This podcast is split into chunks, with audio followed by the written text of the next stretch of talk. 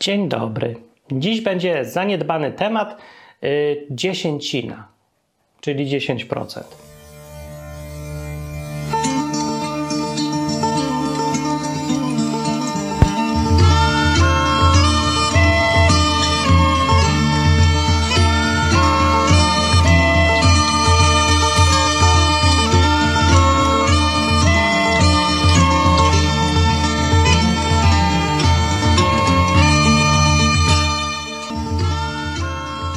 Dziesięcina to jest temat denerwujący, y, który ominąłem do tej pory w odwyku.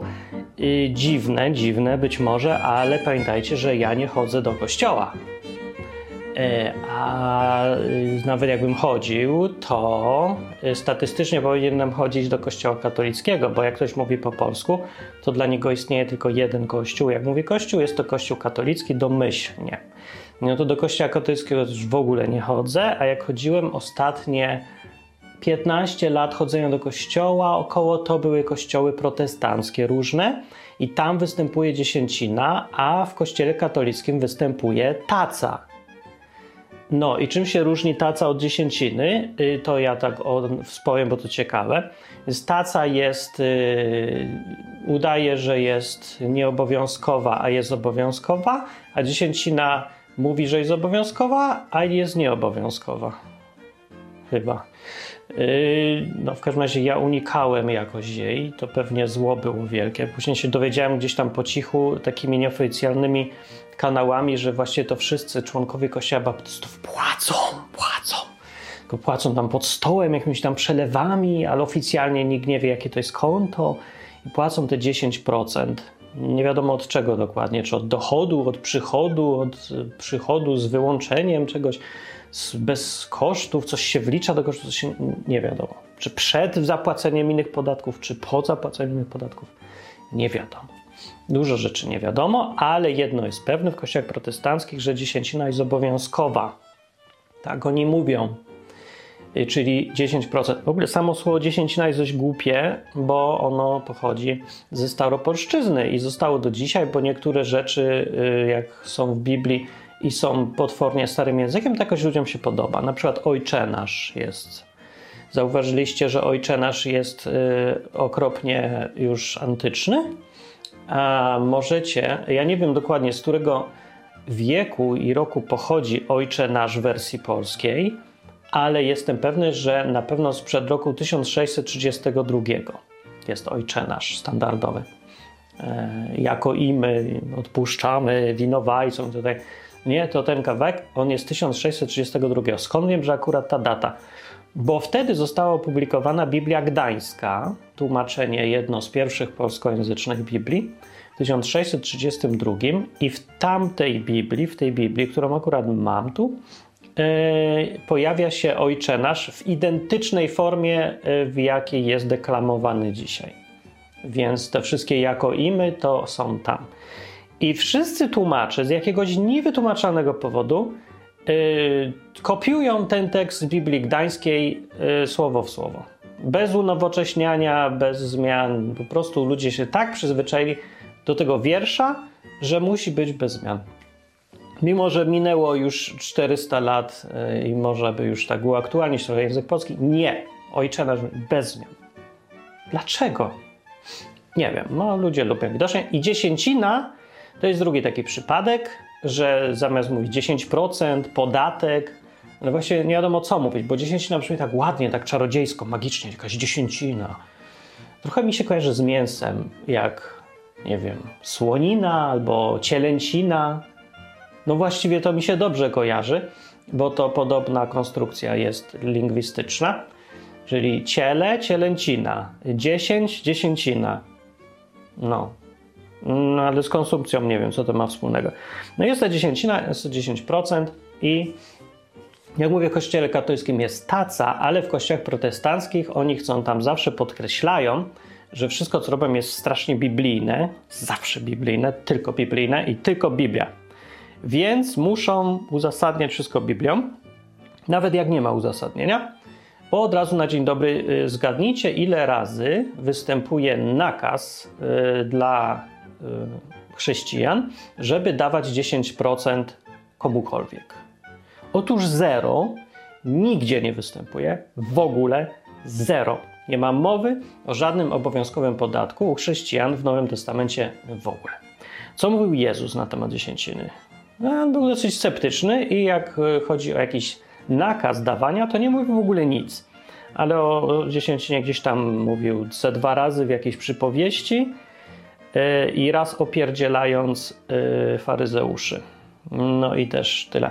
Więc jakim cudem w kościołach protestanckich obowiązuje 10% podatek na kościół uzasadniony biblijnie, skoro tego nie ma w Biblii? No i to jest dobre pytanie, nie?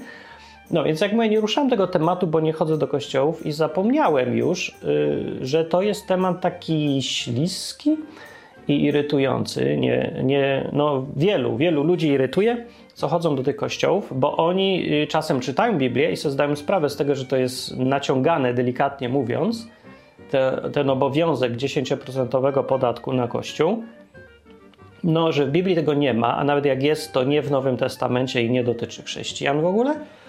No i irytuje ich to, że kazania są dosyć często na ten temat. W tych kazaniach, jak to w kazaniach, prośbą albo groźbą, albo szantażem emocjonalnym, albo poczuciem winy, albo strachem motywuje się ludzi, żeby dawali obowiązkowy podatek na kościół 10%, zwany dziesięcina. A ja wam przeczytam, co to jest ta dziesięcina w Biblii, co to było i po co było. Otóż ma dwie główne funkcje dziesięcina. Od razu wam powiem. A później przeczytam parę kawałków i zobaczycie, że te funkcje występują, łatwo są widoczne. Myślę, że są ze trzy albo cztery takie różne funkcje.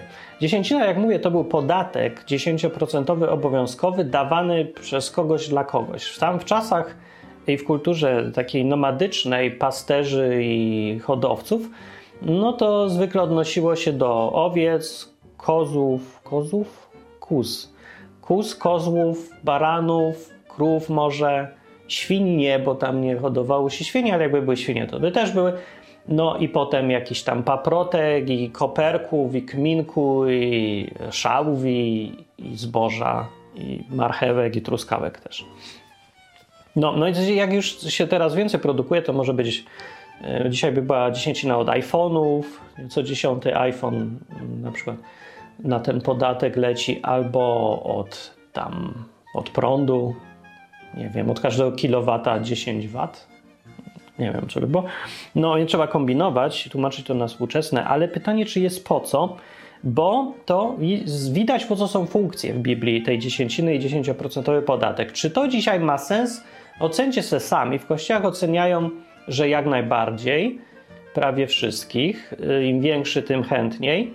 Ocenia, że jak najbardziej nie dość, że ma sens, to jeszcze to jest e, nakaz od Boga według nich nie wiem, jakim cudem te kościoły uważają się za chrześcijańskie, skoro nakaz dotyczy judaizmu, a chrześcijan nie. To obowiązuje w ogóle, wylatuje to wszystko.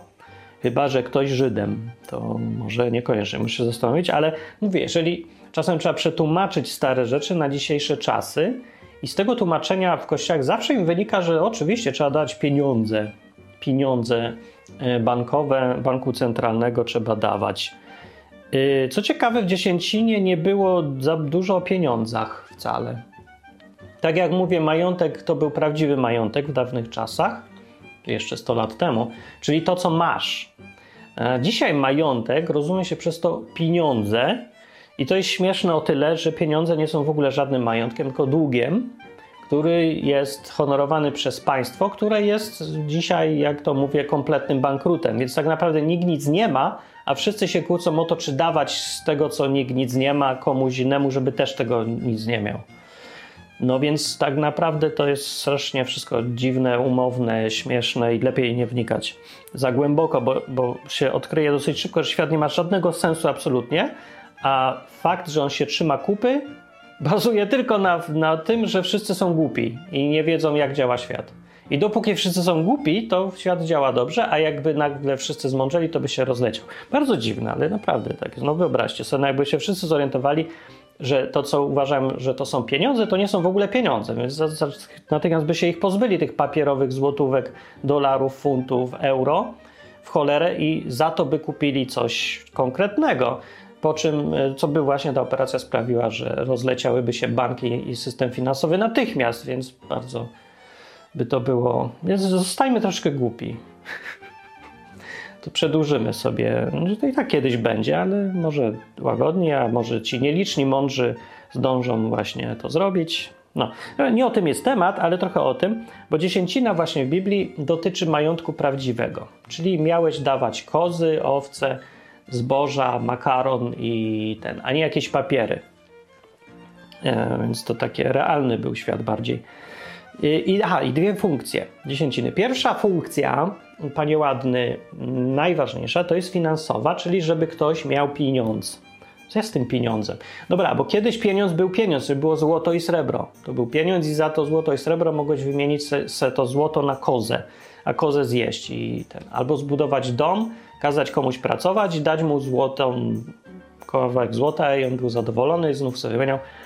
E, więc to y, dawanie dziesięciny miało przede wszystkim pierwszą funkcję, żeby ktoś miał kasiorę, i mógł żyć. Y, dotyczyło to sytuacji na przykład, kiedy było, był system całego kraju państwa, nie był państwa, ale był kraj, był system jakiś tam religijno-społeczny w Izraelu i na przykład świątynia była, a ona była kosztowna. Tam pracowali lewici, taka grupa i oni musieli coś żreć, nie? Cały czas tam robili przy tej świątyni. Więc Bóg wymyślił przykazanie, że im należy dawać 10%. Ogólnie e, było obowiązkowe 10% podatku pod tytułem dziesięcina w Izraelu na świątynię i sprawy związane ze świątynią. Później się pojawił król i zrobił to samo, 10% na króla.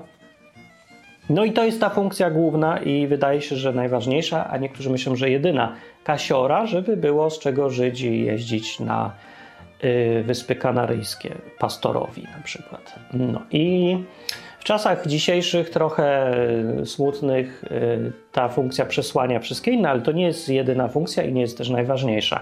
Drugą funkcją, naj, najważniejszą akurat, dawania dziesięciny jest deklaracja poddanistwa. To znaczy, jak dajesz komuś 10%, to deklarujesz, że on jest nad tobą, a ty jesteś poniżej niego. Znaczy, że on jest panem, a ty sługą. To nie do końca, bo to nie chodzi, że idziesz na służbę, tylko pokazujesz tym, dajesz mu go 10% yy, i tym sposobem on, yy, on jest jakby uznany za większego.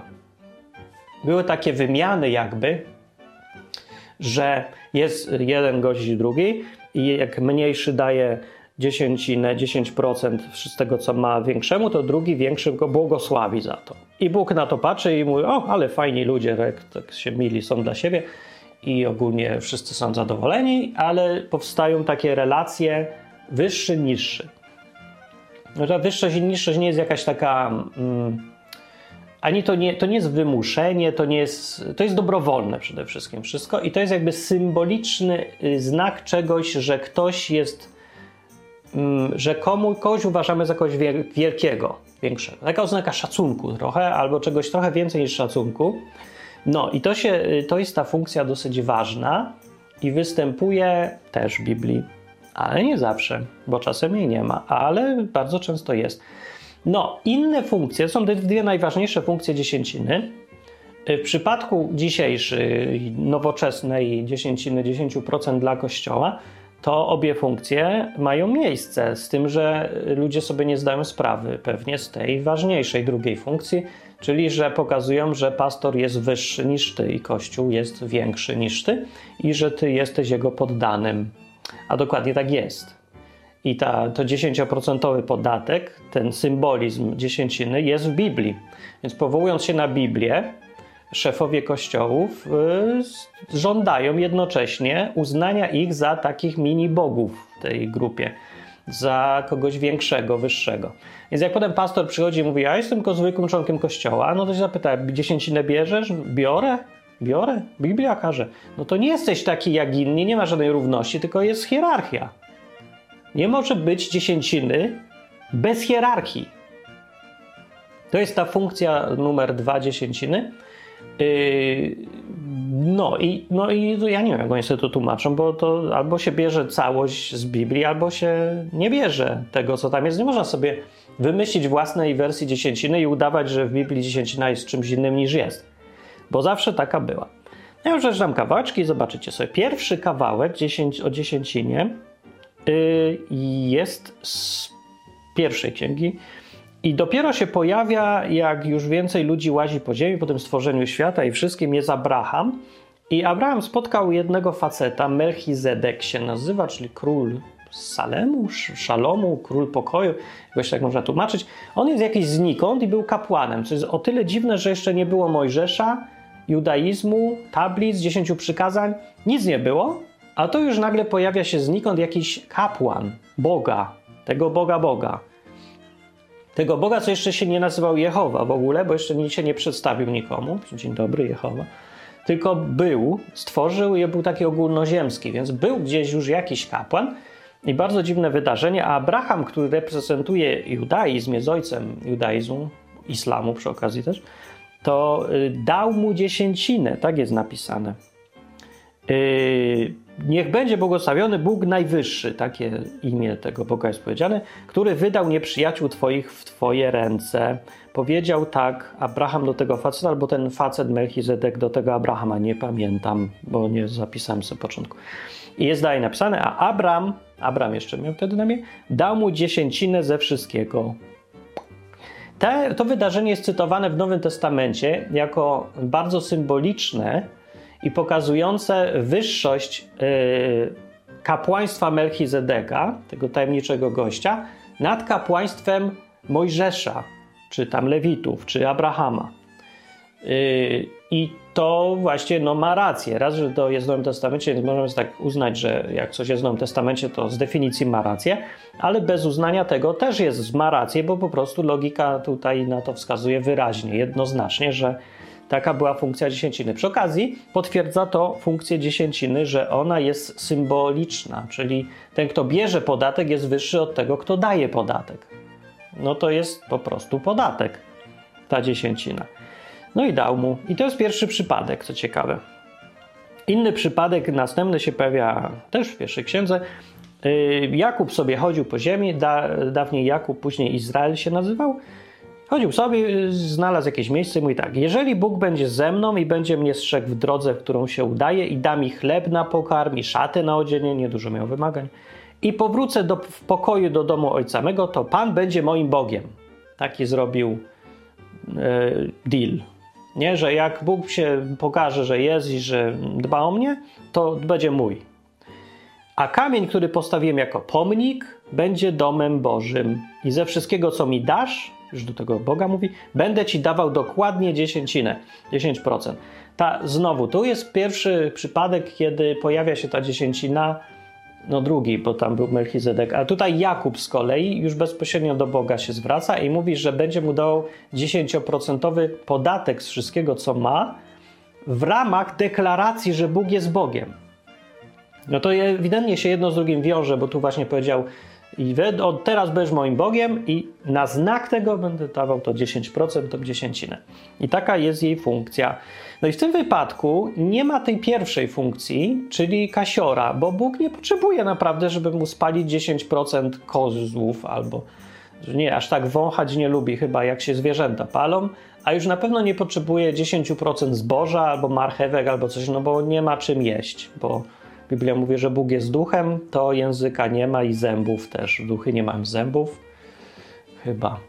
Aż tak się nie znam, ale podejrzewam, że jednak nie ma i nie potrzebuje marchewek, a nawet jakbym nie podejrzewał, to w Biblii jest napisane, że nie, Bóg nie potrzebuje tych rzeczy materialnych. W nosie ma to, bo wszystko i tak należy do niego, może mieć srebra i złota i wszystkiego, co chce, i tak nie wiadomo, co by miał z tym zrobić. Więc tutaj jest takie symboliczne to wszystko, że się coś Bogu daje, bo Bogu w ogóle nic nie można dać, żeby on miał korzyść. To nie jest dla korzyści Boga, więc ta funkcja utrzymywania Boga z naszych podatków jej tu nie ma. To jest absurdalne. Nie można Boga utrzymywać z podatków. Więc zostaje tylko druga funkcja uległości. Przy okazji jest też trzecia funkcja, taka po cichu, którą ja tutaj widzę, sprytna, yy, że yy, jest to zdrowe dla człowieka, który daje. Tego tutaj nie ma w Biblii bezpośrednio, ale to już są moje domysły. Ja, może się zgadzasz, może nie, ale jeżeli się daje komuś, 10% to jest to jakaś taka szczepionka przeciwko chciwości. No trochę jest, trochę nie ma, zależy o kogo, ale funkcja psychiczna, psychologiczna dla dającego jest tutaj, bo przestajesz być tak przywiązany do tego, żeby trzymać wszystko moje, wszystko moje. Nie? No nie może wszystko moje, bo już 10% dajesz. Dawanie w ogóle, zwłaszcza bogatym, ratuje dubsko. Ratuje dubsko przed strasznymi efektami bogactwa, czyli takie, że bogactwo cię trzyma, trzyma cię. Ono cię, yy, im więcej masz, tym bardziej rośnie strach przed stratą i ten strach może przesłonić yy, takie ludzkie widzenie świata. No ja już widziałem tyle milionerów, którzy nie byli w stanie dać paru złotych dosłownie na jakieś tam dzieci czy coś, bo im zawsze mieli wtedy uzasadnienie, jakieś super mądre, nie? że o, nie, to będziemy demoralizować dzieci. Nie? Gościu umiera z głodu, a ty mu mówisz o demoralizacji teraz. No, najlepszy moment znalazłeś. Także w ogóle absurdalnie myślą ludzie i nie, że coś tam, nie wiem, jacyś tacy źli są genetycznie czy co. Nie, po prostu bogactwo tak działa na człowieka. I dawanie jest doskonałą antidotum, jest szczepioneczką. Yy, tutaj jest też niegłupie to, że w islamie dawanie jałmużny jest jednym z filarów islamu. To nie jest głupie, to jest naprawdę mądre. W Biblii też jest zachęta do tego, żeby dawać z tego, co ci tam zostaje, właśnie takie resztki, różnym tam biednym, niebiednym czy coś. I to było w modzie i dobra to moda jest, yy, no może się prze, też przekształcić w coś takiego dziwnego, w jakiś taki legalistyczny obowiązek, albo znowu w głowie ci się zrobi, że skoro ja już daję, to zwalnia mnie to od bycia człowiekiem przyzwoitym, bo już dałem w podatkach. Nie, już dałem w podatkach, to nie muszę dać na owsiaka. Tak sobie człowiek może pomyśleć i tak sobie myśli, nie jeden. I właśnie to znowu jest niebezpieczeństwo obowiązkowego dawania. No i widzicie, wszystko jest niebezpieczne. Co byś nie zrobił? Obowiązek niebezpieczny, dobrowolność niebezpieczna, bo w ogóle nic nie dasz. No, wszystko jest niebezpieczne. A ja mówię na razie, co jest w Biblii o dziesięcinie. A, i teraz. Już konkretne przepisy mm, z księgi, też story. Y, prawo mówi tak. Wszelka dziesięcina z płodów ziemi, czy to z plonów polnych, czy z owoców drzew, należy do Pana. 10% pierwsze. Jest ona poświęcona Panu. I dalej mówi, wszelka dziesięcina z bydła i z trzody, wszystko co przejdzie pod laską pasterską. Co dziesiąte będzie poświęcone Panu.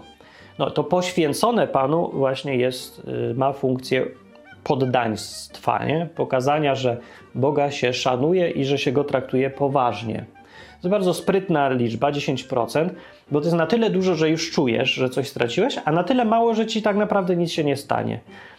Jakby było mniej, to by już było takie, a nie zauważyłem. A jakby było więcej, to znowu już byś mógł mieć problemy, żeby samemu mieć bo to trochę jest marnowanie. Bo tak naprawdę to 10%, co tu mówią, że dajesz panu, to technicznie rzecz biorąc się po prostu niszczyło. Bo spalić to wszystko, zniszczyć do zera. I to na tym polegać miało dawanie Bogu. To jest absolutnym nonsensem od strony materialistycznej, bo Bóg tego nie ma, nikogo nie ma, niszczysz po prostu. A to jest tylko symbolizm. Więc oczywiście nie może być funkcji, że Bóg pragnie być bogaty i mieć nasze nasz dobytek, bo to wszystko się paliło. Dobra. Potem była księga Samuela, pojawił się król, propozycja, a może by tak mieć króla, bo był Bóg, ale tam Bóg, wszyscy mają króla, też możemy mieć króla, bo to modne. No i Samuel przed i mówi, dobra, a jak chcecie mod, iść za modą, niech wam będzie, no wasz kraj ogólnie, róbcie co chcecie. Nie jestem zadowolony i Bóg też nie, ale jak chcecie. Tylko mówię, będzie tak. Król będzie nie tylko fajnie, fajnie, bo wygląda dobrze i, i jest tak jak u innych i można się cieszyć, że mamy króla, tylko będzie też minus. I wymienia minusy i jednym z minusów jest to. Z waszych plonów i winnic będzie pobierał dziesięcinę i dawał z niej swoim dworzanom i sługom. No i nie będziecie zadowoleni, co właściwie się dzisiaj dzieje, jak widzicie na świecie. Tyle, że to już nie jest 10%, tylko jakieś 50% albo lepiej w nowoczesnych państwach. I oczywiście, że daje dworzanom i sługom, ale głównie daje się to, co zbierają państwa, kuzynom, i wujkom, i ciotkom, i żonom, i w radach nadzorczych, i komu tam popadnie, ale tak to ogólnie działa. I tutaj też pokazuje, że dziesięcina to jest podatek. Jest to samo słowo w tym samym kontekście użyte w stosunku do ludzi dających do, dla króla i do ludzi dających Bogu i do yy, Abrahama, Abrahama dającego Melchizedekowi. Wszędzie jest to samo słowo, dziesięcina oznacza 10% podatek. No, trzeba o tym pamiętać. Ale funkcje, jak widzicie, są różne. Na przykład w przypadku tego króla chodzi o kasiorę już, a nie tylko oznakę bycia poddanym. Dwie rzeczy tu są, obie funkcje mają tu sens. E, tak. No i teraz przeczytam wam to, co w kościołach zawsze mówią. E, jak chcą uzasadnić, że trzeba dawać pastorowi i kościołowi 10% obowiązkowo, to wtedy cytują proroka którego to proroka? Malachiasza chyba. No, bo co jakiś czas prorocy mieli problemy z tym, że ludzie nie dają tej dziesięciny. I zgadnijcie, czy Bogu brakowało kasiory na życie, czy brakowało mu czegoś innego. No to chyba łatwo już zgadnąć. Dlaczego się czepiał, że ludzie nie dają? Bo chciwy był, nie? E, a w księdze Malachiasza jest tak. Od dni waszych ojców odstępowaliście od moich ustaw i nie przestrzegaliście ich, opieprza Izrael prorok. Zawróćcie do mnie, to, to w imieniu Boga mówi, zawróćcie do mnie, a ja zawrócę do was, mówi Pan zastępów. Ale wy mówicie, a pod jakim względem mamy zawrócić? Ale jak, jak mamy zawrócić w ogóle? A, prorok mówi tak, czy człowiek okradnie Boga? Wy jednak mnie okradacie. Ale mówicie, a z czego cię okradamy? Tacy niewinni, bo jak to cię okradamy? A, z dziesięcin i ofiar, mówi tu Bóg. Jesteście przeklęci, ponieważ mnie okradacie, wy i cały wasz naród. Przynieście całą dziesięcinę do spichlerza, żeby żywność była w moim domu, a doświadczcie mnie teraz w tym, mówi Pan zastępów, czy wam nie otworzę okien niebios i nie wyleję na was błogosławieństwa, tak że nie będziecie mieli gdzie go podziać. Będziecie mieli tyle kasiory, że się zesracie, mówi Pan zastępów. Yy, ja bym to tak powiedział bardziej współcześnie w sumie. No i to jest koniec uzasadnienia, z najczęstszego absolutnie i w ogóle jedynego, z którego wynika, że trzeba dawać w kościele pieniądze obowiązkową mm, dziesięcinę, czyli podatek 10%. To uzasadnienie nie ma absolutnie żadnego sensu. Jest tak wycięte w ogóle. Nie ma. Nie wiem, czego zacząć. Po pierwsze, to wszystko, co tu mówi prorok, jest adresowane tylko i wyłącznie do ludzi żyjących pod Starym Przymierzem, do, do Żydów. Tylko. Przecież widać tu z kontekstu, że oni mieli obowiązek dawania ofiar i dziesięcin. Jeżeli więc ktoś w kościele chrześcijańskim twierdzi, powołuje się na ten fragment, to powinien też dawać ofiary. Bo tu jest, że okradają Boga z dziesięcin i ofiar. Więc trzeba brać barany teraz w kościołach i zarzynać, i palić, ofiary całopalne i cały ten system, który był w prawie Mojżesza. Jak to jest możliwe, że w kościołach chrześcijańskich nie przestrzega się prawa mojżeszowego, tak jak z całą tą listą do przestrzegania, ale jednocześnie powołuje się na proroka, który wymaga przestrzegania prawa Mojżesza. I mówi się: Ej, nie dajecie dziesięcin, bo nie przestrzegacie prawa Mojżesza, ale co prawda wy nie musicie przestrzegać prawa Mojżesza, ale musicie. W tym wypadku. Gdzie tu sens? Więc to jest pierwszy absurd i brak jakiejkolwiek logiki w powoływaniu się na ten fragment. Y, po drugie, to było opieprzanie ludzi za to, że już nie dają obowiązku, a nie, to nie jest uzasadnienie, dlaczego ma być nałożony nowy obowiązek. Tylko mówienie do ludzi, którzy już wiedzą, że mają obowiązek, więc to w ogóle nie jest dowód na to, że jest jakiś obowiązek dla chrześcijan dawania dziesięciny. To jest tylko upomnienie tych, którzy już wiedzą, zaakceptowali, że mają obowiązek. Także trzeba znaleźć inny dowód na to, że w ogóle powinno się dawać jakąś dziesięcinę. No a że innego nie ma, to zostaje tylko takie kręcenie, krętactwo potworne. No i widzisz pan. No teraz ciekawe jest, jakie funkcje, o jakie funkcje tutaj chodziło Bogu. Mówił coś o spichlerzu, żeby była żywność w jego domu. Oczywiście to jest y, bez sensu, co Bóg tutaj wygaduje, bo przecież Bóg nie ma domu ani spichlerza, bo jest duchem i go, cała ziemia jest jego, jak zresztą sama Biblia mówi. Więc nie ma spichlerza ani domu. To musi coś innego o coś innego znaczyć. E, I znaczy chyba głównie to, że po prostu okrada się ludzi pracujących dla świątyni, lewitów, którzy żywili się tym, co ludzie dają w podatku. To był dla nich ten podatek, a nie dla Boga, bo Boga to nie obchodzi. Dla Boga funkcją dziesięciny jest tylko yy, ta, to, ten gest poddania się, ten symbolizm, że ten, kto daje, jest mniejszy od tego, kto dostaje i że się uznaje tą relację hierarchiczną. Tego brakło i za to tak naprawdę opieprza. I druga rzecz opieprza za to, że ludzie po prostu są wredni dla ludzi innych, którzy tam pracują, bo z tej dziesięciny się utrzymywali ludzie, którzy dla Boga się tam poświęcili. No, taki mieli zawód, tacy zakonnicy. O. Y, I tak to wynika z tego fragmentu. No i oczywiście, nawet jak się mówi, takie kazanie na podstawie tego fragmentu, to jakieś 5 minut jest tego opieprzania, a 45 minut przypada na roztkliwianie się i rozczulanie nad fragmentem. E, czy sprawdźcie, czy nie wyleje na was błogosławieństwa, że nie będziecie, że się zesracie od e, tego, ile będziecie mieli pieniędzy, że konta wam będą puchły i że będziecie super, super bogaci, wiele samochodów na was czeka i domówi sukcesów, sukces, sukces, sukces. No więc na tym się oczywiście w dzisiejszych czasach wszyscy koncentrują. No, niech się koncentrują, ale sam fakt koncentrowania się na tym pokazuje, że to nie ma, że to nie jest prawdziwe uzasadnienie, tylko to jest pretekst. Pretekst do tego, żeby powiedzieć: chcę pieniądze i już. Bo jak się uczciwie podchodzi do Biblii, to się cytuje rzeczy we właściwych proporcjach, w takich, w jakich przedstawia je Biblia, a nie, że się przyczepiasz do jednej rzeczy, która jest gdzieś na marginesie i ją rozdmuchujesz yy, pod niebiosa, a inne rzeczy, które tu są zawarte, ignorujesz zupełnie. Jeżeli ktoś tak postępuje, to znaczy, że Biblię traktuje jak przedmiot, jak narzędzie do jakiejś swojej własnej propagandy. I taką propagandę, twierdzę, uprawia się w kościołach, którym po prostu chodzi, żeby ludzie dawali pieniądze. Ale uczciwiej by było przecież powiedzieć, że potrzebujemy pieniędzy, daj pieniądze. I lepiej by było zamiast mówić 10 na powiedzieć podatek, o podatek na kościół, opłata kościelna, albo subskrypcja kościelna, albo cokolwiek innego, co bardziej oddaje rzeczywistość. No ale coś widzę, że nieuczciwość, na której opierają się kościoły, jest większa niż się jednak chyba mi wydawało. Teraz tak myślę.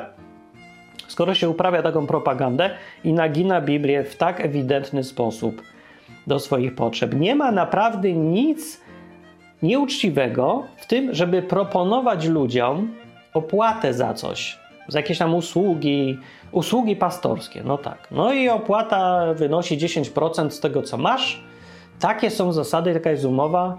Czemu nie? Dla ludzi Kościół i tak jest ważny, ale dlaczego trzeba manipulować ich, żeby uważali, że to nie jest część umowy między pastorem a pastorem kolegami a trzodomowcami, tylko to jest umowa między ludźmi a Bogiem, a pastor w ogóle tutaj, przepraszam, ja tu nic, ja tu tylko jestem pastorem, to Bóg kazał dawać, to nie ja. To jest, co to jest w ogóle? Brak odpowiedzialności? Tchórzostwo, tak? No nie dość, że manipulant to tchórz, zresztą to w ogóle nic z tym nie ma dziwnego, manipuluje się zwykle z tchórzostwa, e, żeby się boi wziąć odpowiedzialność za siebie.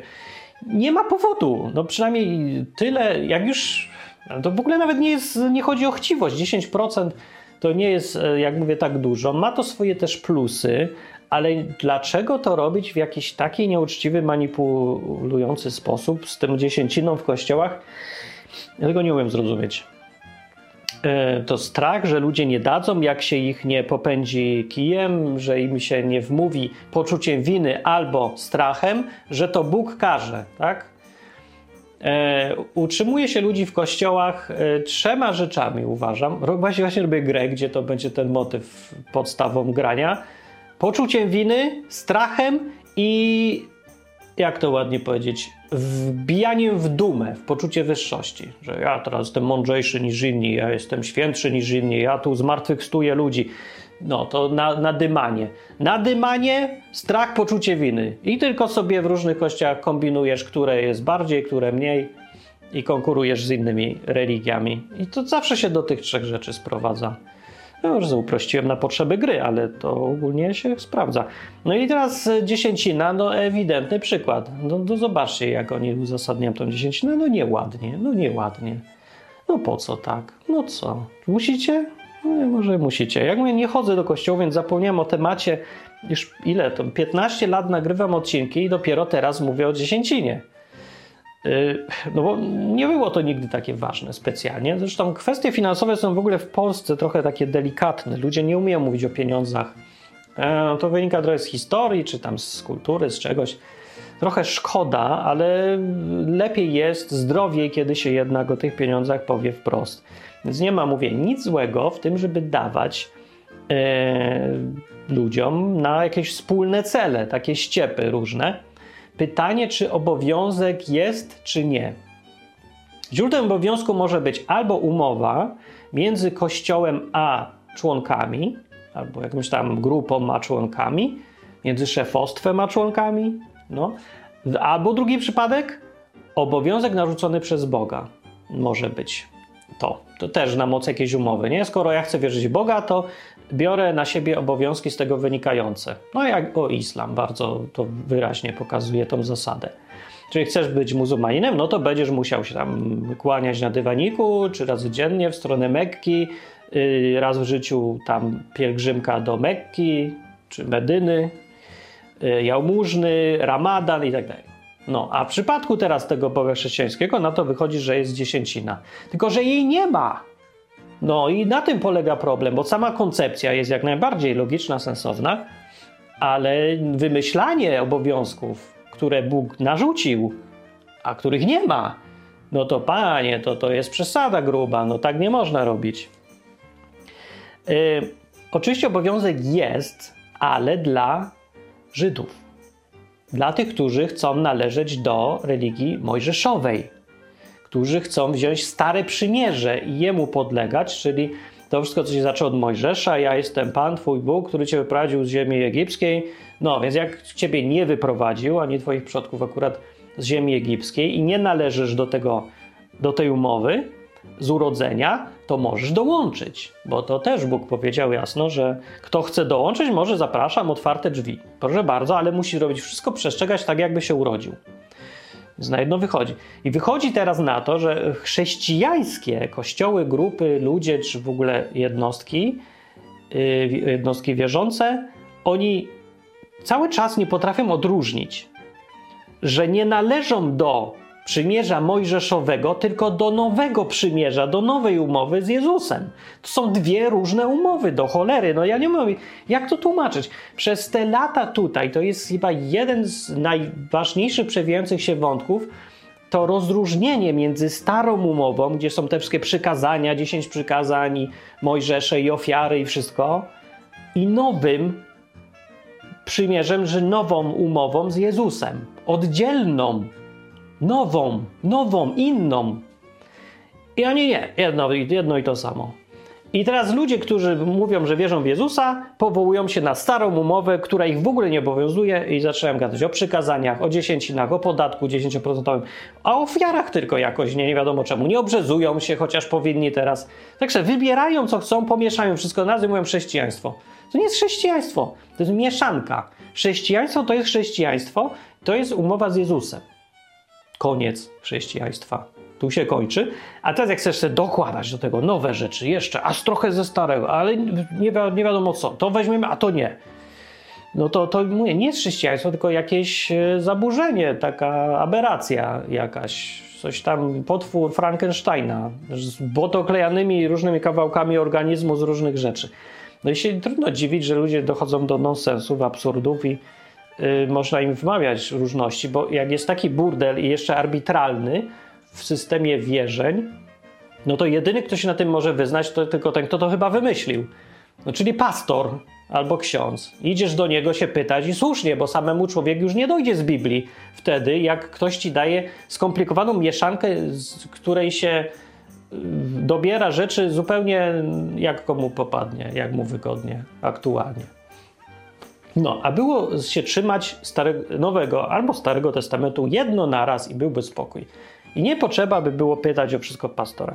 W Nowym Testamencie Więc nic nie ma o tej dziesięcinie. W Nowym Przymierzu Jezus nie kazał, żadnego dawania obowiązkowego nie ma. Dawanie jest, y, zachęta do dawania jest dalej, ale tak jak całe chrześcijaństwo, ta nowa umowa, ona się opiera w całości na ochotnictwie. To jest wolontaryzm. Chrześcijaństwo to jest ochotnictwo i tam nie ma w ogóle żadnych przykazań. Tam jest tylko yy, konsekwentne naśladowanie Jezusa. Nie wiem, czy można uznać za przykazanie, bo to jest warunek umowy, a nie punkt umowy. Czyli jeżeli chcesz naśladować Jezusa, to stajesz się chrześcijaninem, deklarujesz to i mówisz, dobra, ja będę należał do Jezusa, naśladuję Jezusa, Jezus żyje, fajny jest i rządzi u mnie. Ja chcę być taki jak On. To jest warunek zawarcia umowy, a punktem tej umowy jest ten sam warunek. No to naśladuj. I koniec, więcej nie ma warunków. Nie ma przepisów, nie ma przykazań, nie ma dziesięcin, nie ma podatków. Je, możesz robić co chcesz. I tylko ludzie mogą ogarnąć. Nie mogą ogarnąć, że to jest takie proste. Tak, to jest takie proste. Jest to tak proste, spadła mi tu Biblia. Mam taką Biblię, mam nowoczesna Biblia. Yy, uwspółcześniona. No nie mogą tego ogarnąć. No, ja nie mogę ogarnąć, że to jest tak skomplikowane. Ja mówię, ale nie, no co by to było? No co by było? Fajnie by było właśnie. Radość, wolność, super. I ludzie naśladujący Jezusa sami z siebie robią te rzeczy, które ich, y, prawo, do których prawo ich zmusza. Ludzie, którzy y, no wiecie, zobaczcie taki odwyk, który istnieje od 15 lat. On działa dlatego, że jest finansowany właśnie przez ludzi zbiorczo. Tak jak dokładnie to powinno wyglądać w chrześcijaństwie. Y, każdy, kto jest słuchaczem czy członkiem odwyku jako grupy ludzi, stowarzyszenia, już teraz już tam jest formalnie jakoś zarejestrowane, więc tak czy inaczej, każdy członek nie musi dawać żadnych składek, nie ma obowiązku, nikt, żadnego. Wszystko jest co łaska, nie ma nawet sugerowanej wysokości tacy. No nie, jest tam jest na Patronite, są jakieś tam progi. One są w ogóle arbitralne, dowolne, nikt niczego nie wymaga, nie ma poczucia winy, nie ma strachu, nie ma obowiązku. I działa ten odwyk i jest finansowany. Ja sobie żyję, wynajmuję ten tu oto pokój, starcza, dobrze jest, rozwija się na reklamy, jest na serwery, jest na wszystko. Jest. No to da się. To dlaczego nie da się w kościołach? Dlaczego dziesięcinę musieli wymyślić? Dlaczego? Za mało dostają? Pewnie tak, bo ja dostaję pewnie dużo mniej niż 10%. Nie wiem, ile kto zarabia, nie mam pojęcia, w ogóle nie moja sprawa.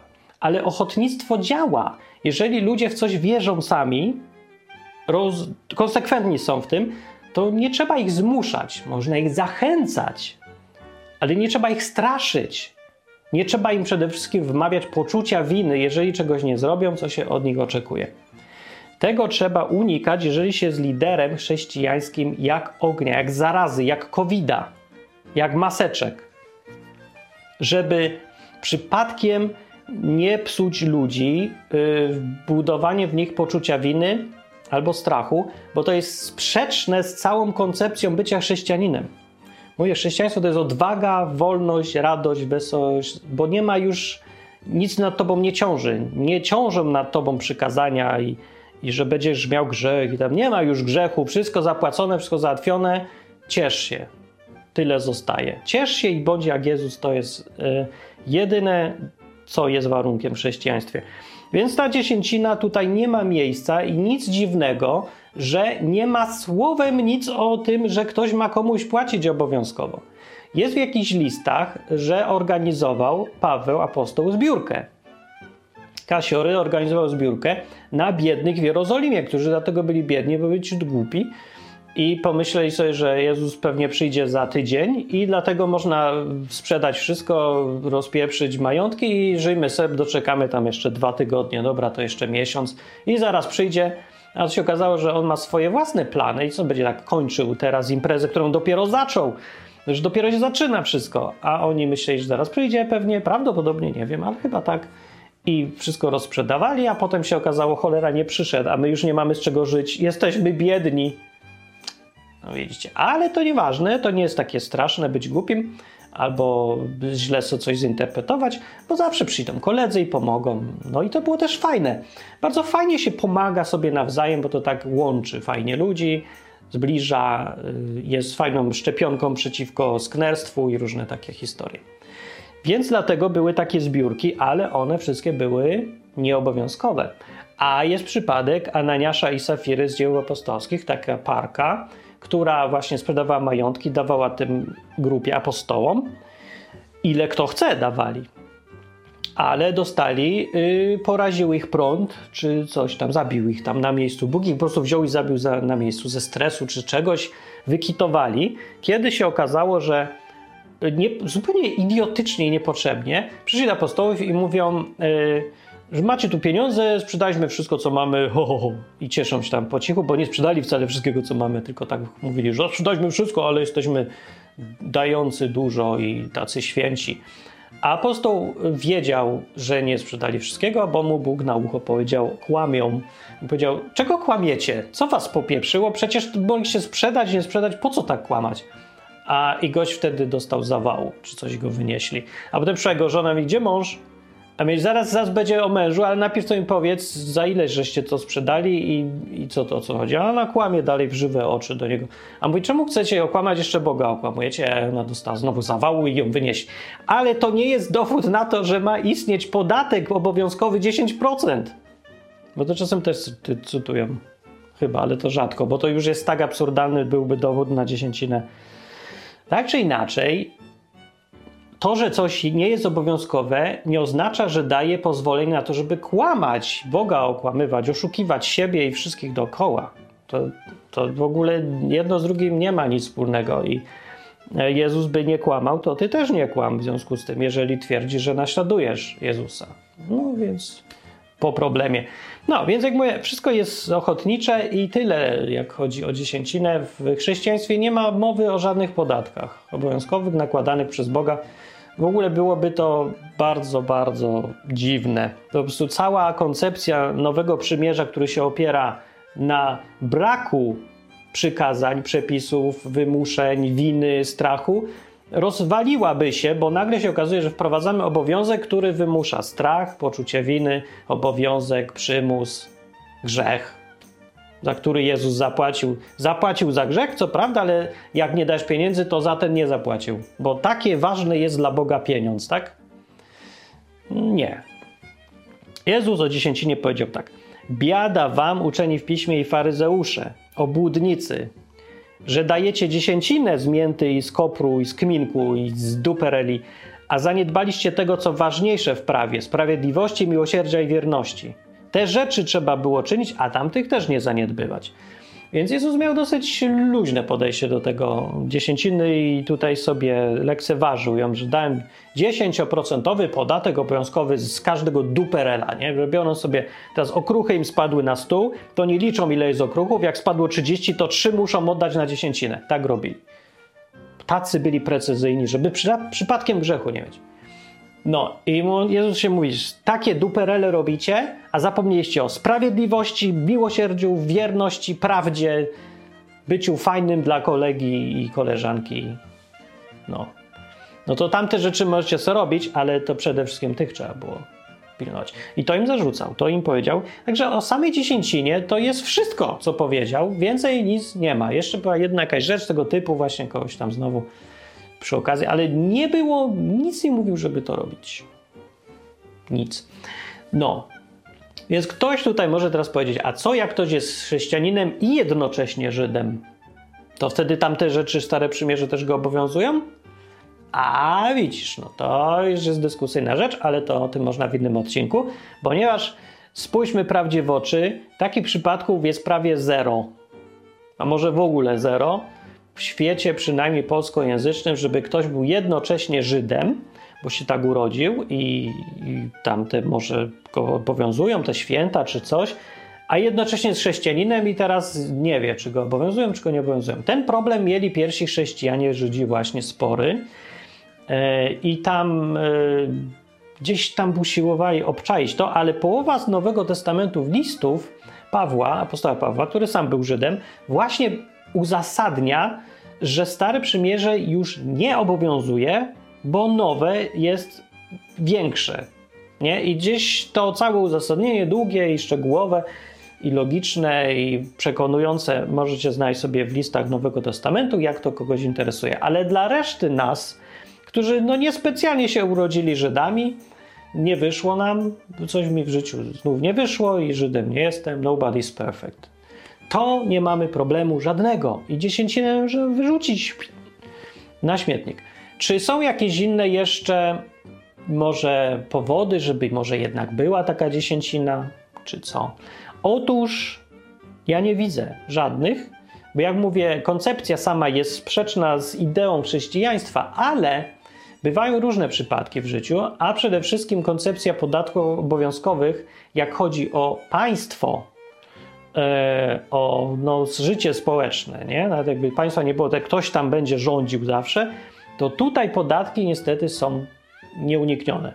Są złem, ale koniecznym i tyle. No. 10% to by były w sam raz, wszyscy by się cieszyli i powinno wystarczyć, gdyby państwo się zajmowało tym, do czego państwo w Biblii ma mandat, czyli właściwie roz, sprawiedliwością głównie. Ma być sprawiedliwe, pilnować tej sprawiedliwości, czyli sądy i policja, wojsko. Może jeszcze się przyda jakaś tam ekologia, czy takie różne u, sprawy typu nie, że ekologia typu wymuszanie na wszystkich, czym mają jeździć, jakimi samochodami, ale na przykład yy, no w teorii gier są takie przypadki, które ilustrują, yy, że jak jest wiele osób, to każdy idąc za swoim własnym interesem, może robić coś, co będzie bardziej niekorzystne dla niego samego, niż w przypadku, gdyby się wszyscy dogadali. Bo jakby się wszyscy dogadali, to wtedy mogą postępować inaczej i to będzie korzystniejsze. Są takie przypadki dobrze ilustrowane, bardzo ciekawe, rozwijają mózg i trochę rozszerzają, bo rzeczywiście nie jest to tak całkiem intuicyjne, ale od tego jest państwo i tu ma sens, nie musi to być państwo. Chodzi o to, żeby była możliwość dogadania się odgórnego. I podatki zresztą są jedną z takich rzeczy, że to jest sposób na rozwiązanie y, problemów, które optymalne rozwiązanie problemów. O, mimo, że jest trochę tego przymusu, to ten przymus 10%, 10 podatku rozwiązałby więcej problemów niż jakby go nie było. Było więcej problemów wtedy, jakby nie było tego. O. I ktoś może się zapytać, no to może w kościele też tak lepiej. No nie, w kościele właśnie nie lepiej, bo jakby było lepiej, to by to już Bóg dawno wymyślił przecież. To nie było takie trudne, żeby Jezus powiedział, że jak będziecie w grupach, to będzie obowiązkowy podatek 10%. Nic takiego nikt nie powiedział, nigdzie apostowie tego też nie robili, w pierwszym kościele tego nie było obowiązkowego 10%. Chociaż byli Żydami, to tego nie było. A przynajmniej śladu o tym nie ma nigdzie w Biblii. Nie ma powodu, żeby tego stosować. Tak samo logika ani rozum, żadne argumenty konkretne też nie przekonują, że powinni być że w chrześcijaństwie, w grupach chrześcijańskich czy kościołach powinien być obowiązek dawania 10%. I czemu akurat 10%? Na pewno nie może to być dziesięcina, bo ona nic nie ma wspólnego z nowym przymierzem. To jest całkowicie stare przymierze, ale obowiązek, czy ma sens? Nie widzę. Naprawdę, bo jak jest, yy, mówię, pokazuje praktyka, że yy, nieobowiązkowe dawanie sprawdza się doskonale. Więc po co w ogóle? zupełnie nie ma uzasadnienia, także nie wiem, czemu tak robią. No, chyba ze strachu albo czegoś tego typu, no z jakichś rzeczy śmierdzących. Motyw, śmierdzące motywacje to są i ja nie wnikam y, daleko, jestem od tego smrodu, nawąchałem się tyle lat, wystarczy, nie wiem. No jak ty wiesz, to może powiedz, może przekonaj, może coś gdzieś znajdziesz. Niestety w Biblii więcej nie znajdziesz, bo w Nowym Testamencie w ogóle nie występuje to słowo poza właśnie takimi kontekstami cytowania czegoś z przeszłości albo jakiś, jak Jezus kogoś opieprza, więc dziesięciny tam za bardzo nie ma, a znowu w Starym Testamencie to, co jest, można tylko brać jako wskazówki, a nie jako nakazy dla chrześcijan. Jako wskazówki, owszem, owszem, ale czy coś się z tego nauczyć, to ja nie wiem. Funkcja dziesięciny, pamiętaj też zawsze, to jest ważne, funkcją dziesięciny, może też być to i dzisiaj tak traktowane, jest pokazanie, że ktoś jest większy niż ty. E, dzisiaj w kulturach jeszcze wschodnich trochę obowiązuje to dawanie i ma te funkcje takie społeczne, Czyli dawanie prezentów, w Polsce to się w dziwną stronę zrobiło, ale tradycyjnie jakby daje się prezenty, żeby ustanowić relacje między ludźmi. Kiedyś dorwałem taką książkę o w ogóle całej ideologii dawania. Co to jest prezent społecznie? I masakra, tego jest dużo. No ja to niby wiedziałem, czułem, czy coś, ale ktoś tak fajnie rozpracował porządnie i rzeczywiście dawanie ma mnóstwo funkcji. E, jak e, nie wiesz o co chodzi, to zastanów się nad sytuacją, kiedy e, rodzice dają dzieciom na studia. I zastanów się, co to robi w głowie. Bo tam kwestia, że się płaci, no to oczywiście, ale jak to działa społecznie, jak to zmienia relacje, co to robi y, z dziećmi na przykład. Zwłaszcza córki i rodzice mają potworny problem, zauważyłem, y, którego w życiu doświadczyłem w chyba wszystkich przypadkach związków moich. Y, nie wiem, co z tego wynika, ale na pewno nie pomaga, że córki były potwornie uzależnione od matek. Psychicznie, mentalnie. Oczywiście, że są różne powody ale dawanie na studia, nie? prezent, niby prezent za darmo masz tu studia, to nigdy nie jest całkiem za darmo i nawet jak jest, to zawsze ustanawia relacje, że ja jestem pod tobą. Także jak ktoś ci daje prezent, to spróbuj się potem z nim nie zgodzić. Zobaczysz, jak trudno się to dzieje. Tak samo jak się daje łapówkę, to Biblia ostrzega przed tym, żeby nie brać. Nawet jak ktoś nic nie wymaga, to nie bierz łapówki nigdy jak jesteś sędzią na przykład, y, bo ci to zaćmi mózg. Zawsze zaćmi. I ci, co dają łapówki, co sprytniejsi, oni wiedzą o tym, mówią, to jest prezent, ja nic nie chcę. Nie? Jak jest, y, po prostu masz tu milion dolarów. Tak, no tak, wiesz, no, Boże cię przyda. Leżało, wziąłem, masz. Ja nic nie wymagam. I on naprawdę nic nie wymaga i nie, zrobisz to zrobisz, nie zrobisz to nie zrobisz. Przegram proces, to przegram, trudno, to, to jest prezent tylko ale ten sędzia ma potwornie trudno potem sądzić trzeźwo, bo zawsze ma ten prezent i w głowie ma to poczucie, że jest teraz coś winny, że jest niższy, że musi służyć komuś, kto mu dał. Y, Unia Europejska y, i kraje członkowskie działa na tej samej zasadzie, jak Unia daje, to Unia daje pieniądze, dotacje i różne rzeczy, to te kraje są poniżej tej Unii i to są stosunki hierarchiczne. Zawsze to wielkie imperium dawało, nawet Ruscy z ZSRR, jak Polska była jeszcze dawno, dawno temu, pod butem ruskim, to, yy, to Rosja więcej dawała niż brała i co ludzie nie wiedzą, myślą, że to tak, o, myśmy im dawali. No dawali, tak, ale oni dawali więcej Polsce. No bo no tak to działa, że te kraje y, większe dają tym mniejszym i w ten sposób ustanawiają hierarchię. No bo w zamian one są tym, którzy tam nie idzie się sprzeciwić komuś, kto ci daje prezent po prostu. I dziesięcina, bo o tym cały czas mówię, jest właśnie jedną z jej funkcji jest to, że zgadzasz się też na to, że komuś, ktoś jest większy niż ty i mu takie oznaki, że będę cię słuchał. Dajesz mu dziesięcinę, równa się będę cię słuchał. O. I teraz y, jak się daje na kościół, to zastanówcie się, czy tego samego efektu nie ma. Daję dziesięcinę, no równa się, będę cię słuchał. Może działa, może nie działa, nie wiem, bo nie dawam. Ale dawałem ogólnie, albo mi kto dawał i to tak gdzieś coś takiego jest. No. Nie wiem, nie wiem, czy to jest. To jest po prostu naturalne. U ludzi tak już jest, że dawanie coś tam zmienia, branie coś tam zmienia.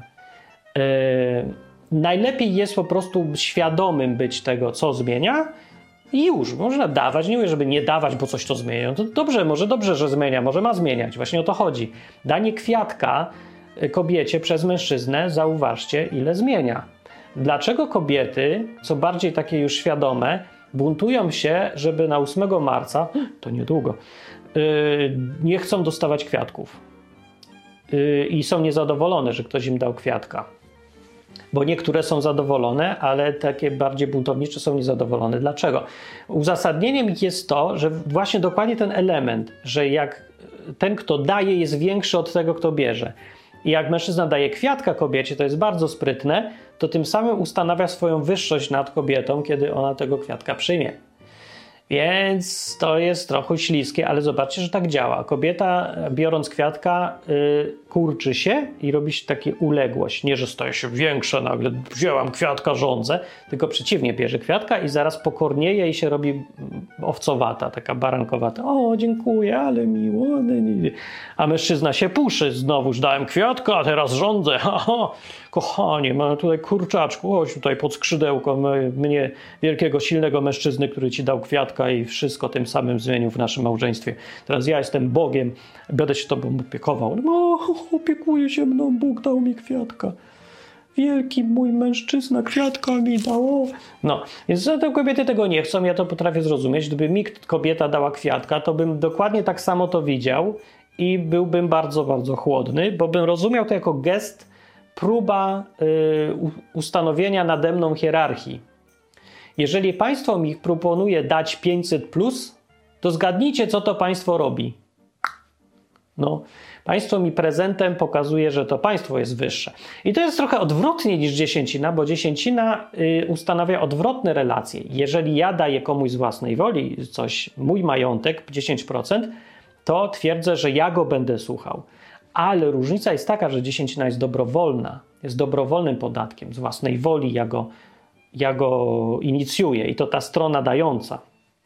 A podatki wymuszane, odgórne czy prezenty działają odwrotnie. Bardzo trudne są to sprawy, ale są i działają. Dobrze wiedzieć, się zastanowić po prostu nad tym problemem dawania i brania Mm, no, że dlatego na przykład, jak ja jestem w tej sytuacji teraz, y, kiedy prowadzę program, a ludzie, patroni, mają zostać patronem, mi dać, nie wiem, to coś zmieni na pewno, już sam nie wiem, w którą stronę, to yy, czuję się z tym niewygodnie, dużo, dużo, dużo bardziej niewygodnie niż kiedy byłem programistą sobie po prostu zwyczajnym i pse pracowałem i sam sobie robiłem, bo wtedy nikt mi nic nie musi dawać i ja mam luz do wszystkich ale kiedy, odkąd ludzie mi dają, to jest bardzo dużo różnych sznurków. Takie małe sznureczki, zdrowe przeważnie, ale jednak są te sznurki i czuje się człowiek bardziej swobodnie i wolny, kiedy nic nikomu nie daje i on jemu nie daje. Dużo ludzi odruchowo wie o tym i y, nie lubi tego, mm, właśnie sznurków różnych w różne strony i woli, żeby nikt się ich nie czepiał i oni mieli święty spokój. No i takie jest trochę samotni się robią ale mają chyba dość różnych sznurków ze wszystkich stron. No, świat jest pełen tych sznurków i te operacje dawania i brania zawsze te sznurki ustanawiają. Pamiętajcie o tym, jak myślicie o dziesięcinie, że to nie tylko jest kwestia, czy Biblia każe, tylko różne rzeczy do zastanowienia się w tym kontekście też są. A jak chodzi o to, czy Biblia każe chrześcijaninowi, odpowiedź jest super prosta, jednoznaczna i pewna: nie, nie każe. A czy wolno dawać? No wolno, oczywiście, wszystko wolno. Wolno dawać, wolno brać, ale nie wolno okłamywać ludzi, że Bóg każe dawać dziesięcinę. I tyle. No i miłym, prawda, tego, idę sobie. Dzięki za słuchanie. Odcinki odwyku co wtorek. Na stronie odwyk.com znajdziesz wszystkie. Na YouTube są też ostatnio coraz częściej ciekawe słuchane. I co łaski poproszę różne jednorazowe y, z adnotacją, czy uważasz mnie za Melchizedeka, dając tam dziesięcinę, pierwocinę, czy inną tamcinę, czy może nie, lepiej nie. Y, to po prostu taki prezent, czy pro, albo o tak, to traktuj to jako inwestycję w to, żeby ktoś był w internecie, kto jednak gada takie rzeczy, zamiast zajmować się swoim własnym życiem i tam robić swoje i nie zmieniać nikomu nic, nie gadać, nie wyjaśniać. Sam se dojdziesz do tego pewnie, a pewnie nikt nie dojdzie do niczego. Nie, jeżeli jest potrzebny taki program, po prostu uważasz, to dorzuć trochę, bo to taki jest też znak dla mnie. Przekonałem, to jest coś, co najbardziej mnie przekonuje, że ma sens gadać, bo ja już sam nie wiem. No tak gadam, gadam, staram się mądrze, wyjaśniam rzeczywistość, wyjaśniam Biblię, ale czy ja wiem, czy to jest przydatne, potrzebne komukolwiek? Nie, że to jest potrzebne, to ja wiem, bo ja wiem, ale czy człowiek chce? Czy człowiek uważa, że potrzebuje żyć mądrzej? Czy dobre decyzje, lepsze, mądrzejsze są w ogóle dla niego jakimś priorytetem? Tego już nie wiem. Może ludzie po prostu chcą być głupi, podejmować złe decyzje i cierpieć. Mam takie wrażenie czasami. No to jest absurd. Czemu nie być szczęśliwym? jak można być szczęśliwym, tylko być nieszczęśliwym, bo ci się nie chce być szczęśliwym. Posłuchać, nauczyć się, zrozumieć i zrobić lepsze decyzje i być szczęśliwym. Nie, to tyle wysiłku. Lepiej być nieszczęśliwym. No to wtedy, dobra, to cześć. No, ja idę. W każdym razie fajnie było sobie tak pogadać. Mam takie poczucie, że mam kontakt z kimś. Tak sobie pogadaliśmy, nie? No to idę. Pogadaliśmy, to idę. To cześć.